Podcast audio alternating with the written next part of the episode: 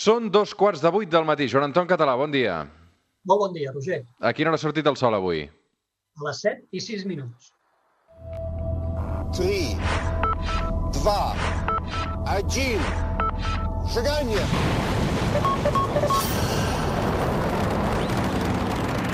One small step for man, one giant leap for mankind.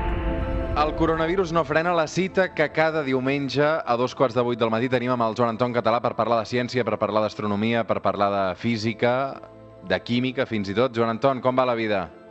Bé, bé, aquí confinats com tothom. Molt bé. A Sant Cugat, eh? Exacte, a Sant Cugat, Sant Cugat.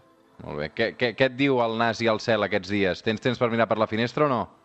Sí, tenim, tenim visió a l'est i a l'oest i com et pots imaginar no em perdo mai de, de... Qualsevol excusa és bona per mirar el cel. Aquesta setmana ha fet molt núvol per això alguns dies, eh? Sí, crec que em venen uns dies també també de núvols, però bueno, entre núvol i núvol sempre hi ha alguna coseta a veure, o la lluna, o el pas de l'estació espacial... Uh -huh. Mira, l'altre dia pensava en els astronautes que precisament estan a l'Estació Espacial Internacional. Um, en tenim, no?, allà d'enviats ara mateix? Oh, i tant. Mira, en teníem sis, uh, perquè van arribar, va arribar una nova tripulació, i divendres, és a dir, fa res, fa tres dies, en van tornar tres. Els tres que havien estat allà durant sis mesos van tornar. Per tant, ara en queden tres allà dalt. Clar, allò és un confinament dins del confinament, no? Sí, de fet, hi havia molts comentaris el divendres, quan van tornar els tres, eh, en xarxes, hi havia molts comentaris dient que potser el millor que podien haver fet és no tornar, eh? perquè Clar. ells van marxar d'aquí amb un món i tornen en un món completament diferent. Que no té res a veure. Escolta'm, Joan Anton, i estem enviant astronautes també a l'espai eh, al llarg d'aquest eh, confinament o no? Sí, sí, de fet, els, els tres, com que n'hi havia sis, sempre en tenim entre tres i sis, Mhm. doncs n'hi havia sis perquè feia pocs dies, una setmana, una setmana i mitja, havien arribat, havia arribat la nova tripulació, l'expedició 63, amb tres nous astronautes. El que ja, normalment ja es prenen eh, moltes mesures de, de precaució, els fan fer quarantena, això abans del, del Covid-19 ja es feia així. I ara encara més raó es fa així, i fins i tot el que s'ha fet és que no hi hagi contacte directe amb la premsa, que això sí que n'hi havia sempre, doncs en aquest cas no n'hi ha hagut, o, o sí que n'hi ha hagut, però al darrere d'unes mampares, saps? D'una forma, una protecció especial.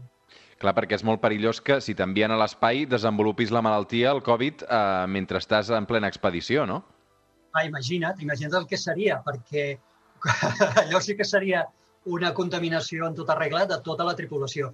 Ja et dic, la quarantena la fan sempre, ja la feien abans de la pandèmia, ja feien una quarantena per evitar-se que portessin allà, no sé, una grip, per exemple, eh? Mhm. i ara encara més raó ho- ho- s'ho miren més, clar.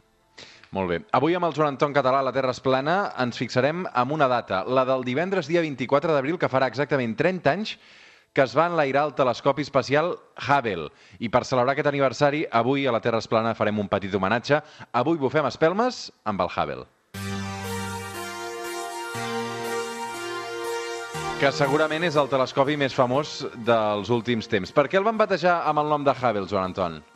Doncs mira, en honor del nostre conegut Edwin Hubble, un famós astrònom americà, que a finals de la dècada dels 20 del segle passat va, de, va detectar, va descobrir experimentalment que l'univers eh, s'expandia, i allò va ser la gran prova del Big Bang. Uh -huh. uh, té una característica especial aquest telescopi um, i és que viu sempre a l'espai, no? Per què es va decidir Sí. construir un telescopi uh, i enviar-lo um, perpètuament doncs, fora d'òrbita? Perquè, si un ho pensa una mica, el major enemic d'un telescopi professional és la nostra atmosfera. És a dir, el fet de que tinguem aire també fa que hi hagi turbulència, eh, capes d'aire eh, fred que, que baixen, de calentes que pugen, i totes aquestes turbulències són nefastes per tenir la màxima precisió d'observació. Enviar un telescopi a l'espai és estalviar-se completament tota aquesta turbulència de l'atmosfera i, a més a més, poder observar en qualsevol hora, perquè com que tu pots moure el telescopi fora de la Terra, eh, allà sí que hi ha dies i nits, però a diferència d'un dia a la Terra, que és claror total, perquè l'atmosfera el que fa és disseminar la llum del Sol, on no hi ha atmosfera, és dir, fora de l'òrbita, fora de l'atmosfera de la Terra, eh, si tu ja no estàs mirant directament al Sol, el que veus és foscor. Per tant, el Hubble té moltíssimes més hores d'observació estan fora dels que té un telescopi normal sent aquí a baix. Uh -huh. uh, entenc que hi ha, hi ha una diferència brutal no? entre el que és un telescopi terrestre i mirar el Hubble. Eh, Brutal, però impressionant. És dir, el Hubble, en un, després en parlarem, en un mirall, que és el seu ull. més petit que l'ull més gran de qualsevol dels telescopis a la Terra, de moment, és molt més potent, ja et dic, que qualsevol telescopi a la Terra. A quina altitud orbita el Hubble? A uns 550 quilòmetres d'alçada. Uh -huh. I tu ja l'has pogut mirar alguna vegada? Uh, a veure, què vols dir? Mirar. Vull dir, observar a través... Perquè que- crec que t'hi pots connectar o pots fer una reserva fins i tot, no? Sí, però només no, a mi no m'ho autoritzarien difícilment. Mhm. Les reserves, clar, van buscadíssimes, imagina't, eh? Es fan unes sol·licituds, hi ha un tribunal que, que analitza qualsevol sol·licitud. Així és com funciona qualsevol telescopi professional. Eh? Tu Mm. fas, sotmets un projecte que et valoren, un comitè científic, i t'atorguen o no el temps que tu has demanat d'observació. Però perquè et facis una idea, aproximadament sobre el 20-25, només 20-25 de les sol·licituds que reben eh, prosperen per observar a través d'aquest telescopi. Amb quin objectiu es va construir aquest telescopi, Joan Anton? Doncs mira, el que, és, el que volia la comunitat científica, i que ho hem assolit, era rebobinar el temps en el passat i poder veure com més lluny, és a dir, com més enrere en el nostre passat, millor. És a dir, les primeres galàxies i estrelles de l'univers. Uh -huh. Carai. Uh, I tot això com, com, com ho aconsegueix? Doncs mira, eh, alguna vegada hem parlat de l'expansió de l'univers i de l'efecte que aquesta expansió fa amb la llum. Recordem que la llum el que fa és eh, anar-se'n cap al color vermell quan els objectes s'allunyen de nosaltres degut a aquesta expansió de l'univers. Doncs el que té el Hubble, a part d'estar fora de l'atmosfera, de tenir un mirall molt gran, té la capacitat d'observar no només llum visible, sinó llum una mica a la part de l'infraroig. I això fa, fa que pugui captar aquesta llum que ja ha virat cap al vermell, perquè són objectes llunyans, llunyans, eh, els pot observar justament perquè pot eh, mirar amb aquesta llum eh, infraroja. Val? I, per tant, veu llum visible, llum infraroja i també una mica, una mica de llum ultraviolada. I amb tot això és com si tingués un ull eh, de Superman, saps? En unes capacitats al·lucinants. Qui, qui el va pagar i qui el va construir, aquest telescopi tan famós? Bàsicament el va pagar la NASA, els Estats Units amb la NASA, però hi va haver contribucions importants de l'Agència Espacial Europea. Per tant, la gestió del telescopi es fa a través d'un institut, d'una institució que s'ha creat, on hi ha participació tant dels americans com dels europeus. I de quin any és? Mira, l'any es van començar, fixa't, es va començar a, a pressupostar l'any 1970, perquè es volia enviar el 1983 a l'espai, però com qualsevol projecte d'aquests grans, problemes tècnics, també l'accident del famós Challenger, el 1986, que van matar set persones, i això va, fer que s'endarrerís tot el projecte d'enlairar coses a l'espai, doncs al final es va enlairar això l'any 1990, ara fa 30 anys. Molt bé. Doncs o sigui que eh, fa 30 anys que, que el tenim eh, allà dalt i, i encara no ha tornat, eh? No, no, no, i ja veurem si després m'ho preguntes, després de que expliquem com funciona, ja veurem si tornarà. Clar. Quan, quan va costar?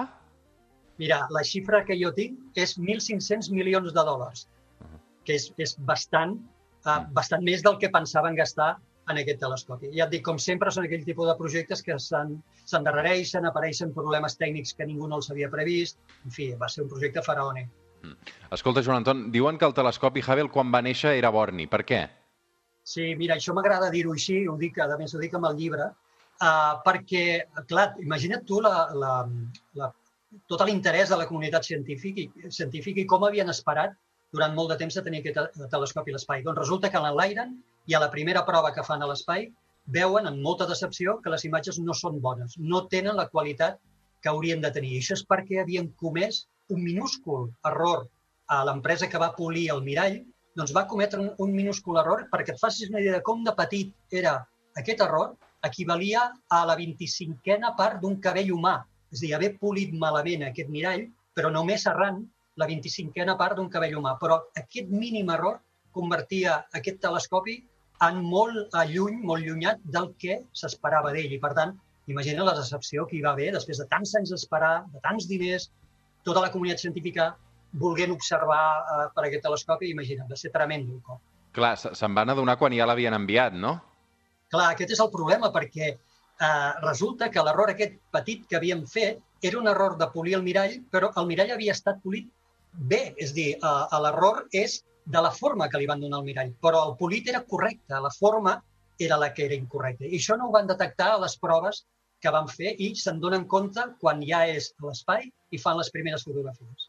I tot això, eh, com ho van arreglar?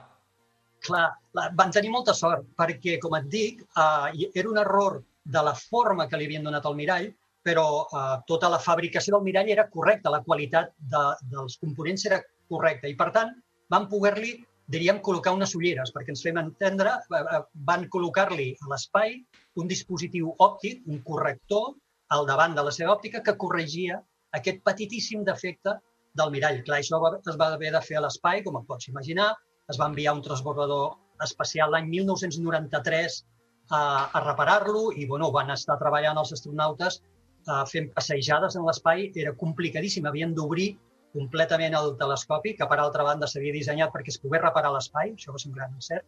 Però clar, imagina't, obrir-lo, col·locar les òptiques correctores, tornar-ho a posar tot al lloc, tancar-lo, va, va requerir cinc llargs passejos espacials i més de 35 hores de feina, això, a 550 quilòmetres d'alçada. Carai, i han hagut de reparar-lo alguna altra vegada, el telescopi Hubble?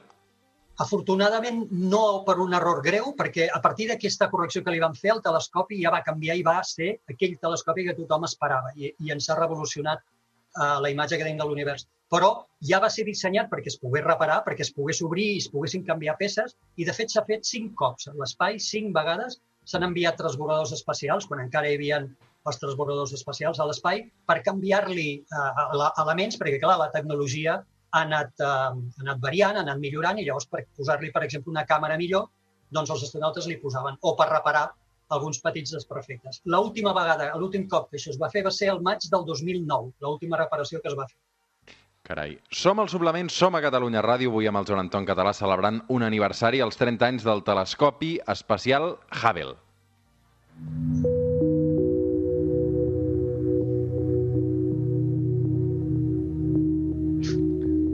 Joan Anton, corregeix-me si m'equivoco, però segurament el que li demanem a un telescopi és que sàpiga enfocar, no? Um, aquesta capacitat per apuntar bé cap a la direcció que volem mirar, no? Clar, clar, aquesta és la capacitat, una de les capacitats bàsiques, i el Hubble en això no ens va decebre i té una capacitat d'enfoc que és brutal. Mira, no sé per què m'ha donat pels cabells humans, però també et faig el símil en un cabell humà, perquè ens fem una idea, és capaç de centrar perfectament un cabell humà a una distància d'un quilòmetre i mig, perquè et facis una idea de com de precís és el seu enfocament, la capacitat que té de moure's i de clavar-se en un objecte. Carai. I, i, I cap on apunta aquest Hubble? Doncs mira, el que fa és no té coets, no té motors ni coets, perquè el que es vol evitar és que l'escalfor dels motors puguin interferir amb la qualitat òptica. I llavors el que té són sis, sis giroscopis, que perquè ens fem una idea, que hagi anat al Cosmocaixa ho haurà pogut eh, provar fins i tot, els giroscopis són unes rodes que giren, tu et pots fer girar una roda en el, en el Cosmocaixa i ho veus, i llavors en funció de com et mous la roda, tu gires en sentit contrari a com està girant la roda. I així és com ho fa el Hubble. Fan moure en motors aquestes sis rodes, aquests sis giroscopis, i el Hubble, per reacció, doncs es va movent en sentit contrari i així és com fan que es mogui, molt lentament, per cert. Uh, perquè, perquè et facis una idea, es mou a la mateixa velocitat que una agulla de minuts d'un rellotge. És a dir, triga 15 minuts en fer un canvi de 90 graus. Mm -hmm. Escolta'm, uh, crec que uh, el Hubble et permet... Um, o hi ha una aplicació que si tu entres al web de la NASA uh, pots posar el dia del teu aniversari o un dia determinat i, i et diuen què està observant el telescopi Hubble el dia que vas néixer o el dia del teu aniversari, no? Sí, això, lògicament, pels que van néixer abans del, de l'any que el van enlairar, del 1990, doncs és molt útil perquè sí, aquesta aplicació poses quan vas néixer i et diu el Hubble que estava fent aquell dia i veus els objectes que estava analitzant. Uh -huh. Tu t'hi has fixat alguna vegada, per exemple, el dia que vas fer 40 anys, que, que mirava el Hubble? No, no, la veritat no, no, no m'he fixat mai perquè jo estic més interessat en, no, no amb el que estava mirant el Hubble llavors, sinó amb els resultats que el Hubble, dels grups d'investigació i dels projectes que el Hubble ens ha donat eh, com a conseqüència d'aquestes observacions que ha fet. Mm -hmm. Escolta'm, um, i, i, i abans em deies, evidentment un particular doncs, no hi tindrà accés, però uh, qui el pot fer servir? Qui pot observar l'univers a través del, del Hubble? Uh, em parlaves d'aquesta cita prèvia. Sí, això són grups d'investigadors que sotmeten els seus projectes, han de ser uh, han de justificar el projecte. Doncs mira, volem estudiar uh, l'expansió de l'univers i ho volem fer d'aquesta forma. Llavors, hi ha tota una memòria i hi ha la petició concreta i, per tant, demanem tantes hores d'observació amb el telescopi espacial Hubble i distribuïdes d'aquesta forma al llarg, al llarg de dos anys, per exemple. No? Llavors hi ha un comitè, aquest comitè forma part de l'Space Telescope Science Institute, que és l'organització que gestiona el funcionament del Hubble, i aproven o no i si aproven, atorguen tota o una part del que es demana d'observació. Eh? Com et deia abans, màxim, màxim un 20% dels projectes que s'hi sotmeten cada any passen a la prova. Clar, és el telescopi més sol·licitat de tots. Mm -hmm. Quants anys viuen els telescopis?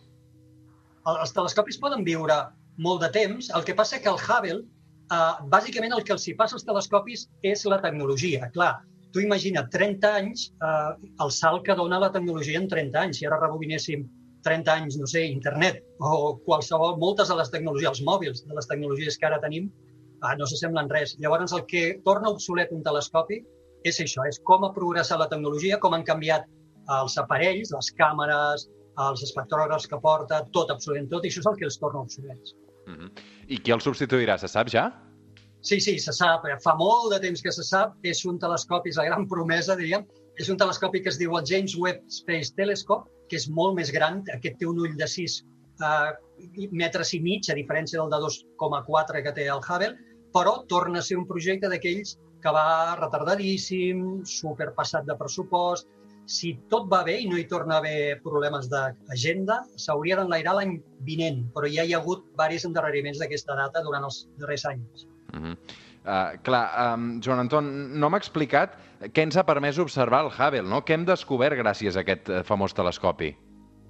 Doncs uh, el que et deia al, al començament es va pensar perquè ens pogués uh, poguéssim veure amb ell l'expansió de l'univers i poguéssim veure com era l'univers quan era petit. Doncs això ho hem pogut fer. És a dir, ha complert les expectatives i la seva, el seu ull ens ha ensenyat objectes que van existir fa 13.400 milions d'anys, quan l'univers apenas tenia 400 milions d'anys. És a dir, hem vist les primeres galàxies, les primeres estrelles. Ens ha mostrat com les galàxies, que l'altre dia en parlàvem, com es fusionen i xoquen entre elles. Ens ha mostrat explosions de supernoves superllunyanes, com neixen estrelles i planetes. Bé, ha estat, ja et dic, ens ha revolucionat completament, completament el coneixement que tenim mm. de l'univers. Ara recordo una xifra que la dic de memòria, eh, crec que fins quan ho vaig mirar hi havia més de 15.000 articles publicats a revistes prestigioses, 15.000 articles científics publicats com a conseqüència de les investigacions i els descobriments que s'han fet amb el Hubble. Mm. Molt bé. Eh, Joan Anton, quan el Hubble quedi substituït, que això no passarà gaire enllà, eh, hi haurà el debat de què fer, no? Deixar-lo en òrbita, eh, fer-lo tornar a la Terra, perquè, clar, tot això també té un cost i té un impacte mediambiental, eh? Clar, clar. Aquest és el gran debat. El més barat seria deixar-lo en òrbita, perquè simplement el decomissiones, diríem, no li dediques més diners i els equips científics a la Terra es dediquen a fer altres coses i el deixes en allà.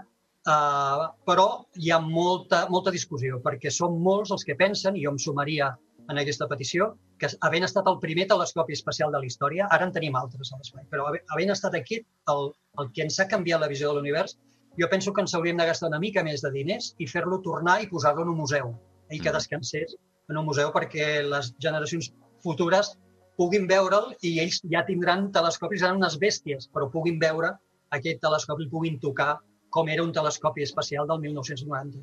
Mm. Joan Anton, per anar acabant, què hi passarà aquesta setmana al cel? Doncs, com sempre, aquestes setmanes seguim tenint a Venus molt brillant a l'horitzó oest, després de la posta de sol, Tenim Júpiter, Mart i Saturn a l'alba mirant cap a l'est, però aquí la notícia és la pluja d'estrelles als lírids, que té el seu màxim previst la matinada del 21 al 22. I no hi haurà lluna, per tant, qui pugui mirar el cel eh, des d'un poble perquè estigui confinat en un poble perfecte, qui estigui des d'una ciutat, jo també crec que paga la pena donar-li una ullada al cel perquè els lírids no són de les pluges estrelles que en donen més, però de vegades donen sorpreses. És una pluja d'estrelles que és coneguda a vegades per donar alguna sorpresa. Per tant, sobretot, matinada del 21 al 22 sense lluna i si tot va bé sense núvols, ja ho veurem, donar-li una ullada al cel. Mm. Mira, Joan Anton, la Marta Ferrer m'acaba d'enviar un WhatsApp i em diu que durant un dels meus aniversaris el Hubble va observar la nebulosa de la Quilla. Ah, I em, em passa fins i tot una foto. Molt bé. Això és una nebulosa molt xula, una nebulosa d'emissions. S'estan uh, formant estrelles. És, diríem, és una maternitat, és una maternitat d'estrelles. Molt bé.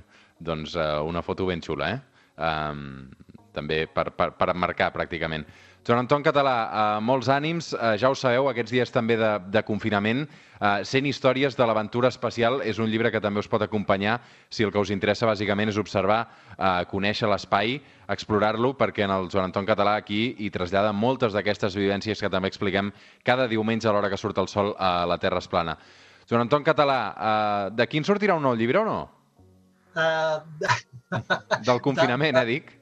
Del confinament. A veure, ara n'estic escrivint un, que és el següent que tinc encarregat, que l'hem de treure el 2021. No ho sé, Roger, mira, m'acabes de donar una idea, de veritat, no, no hi havia pensat. Molt bé, doncs eh, Joan Anton Català, una abraçada ben forta, cuida't molt. Gràcies igualment. Fem una pausa i de seguida tornem.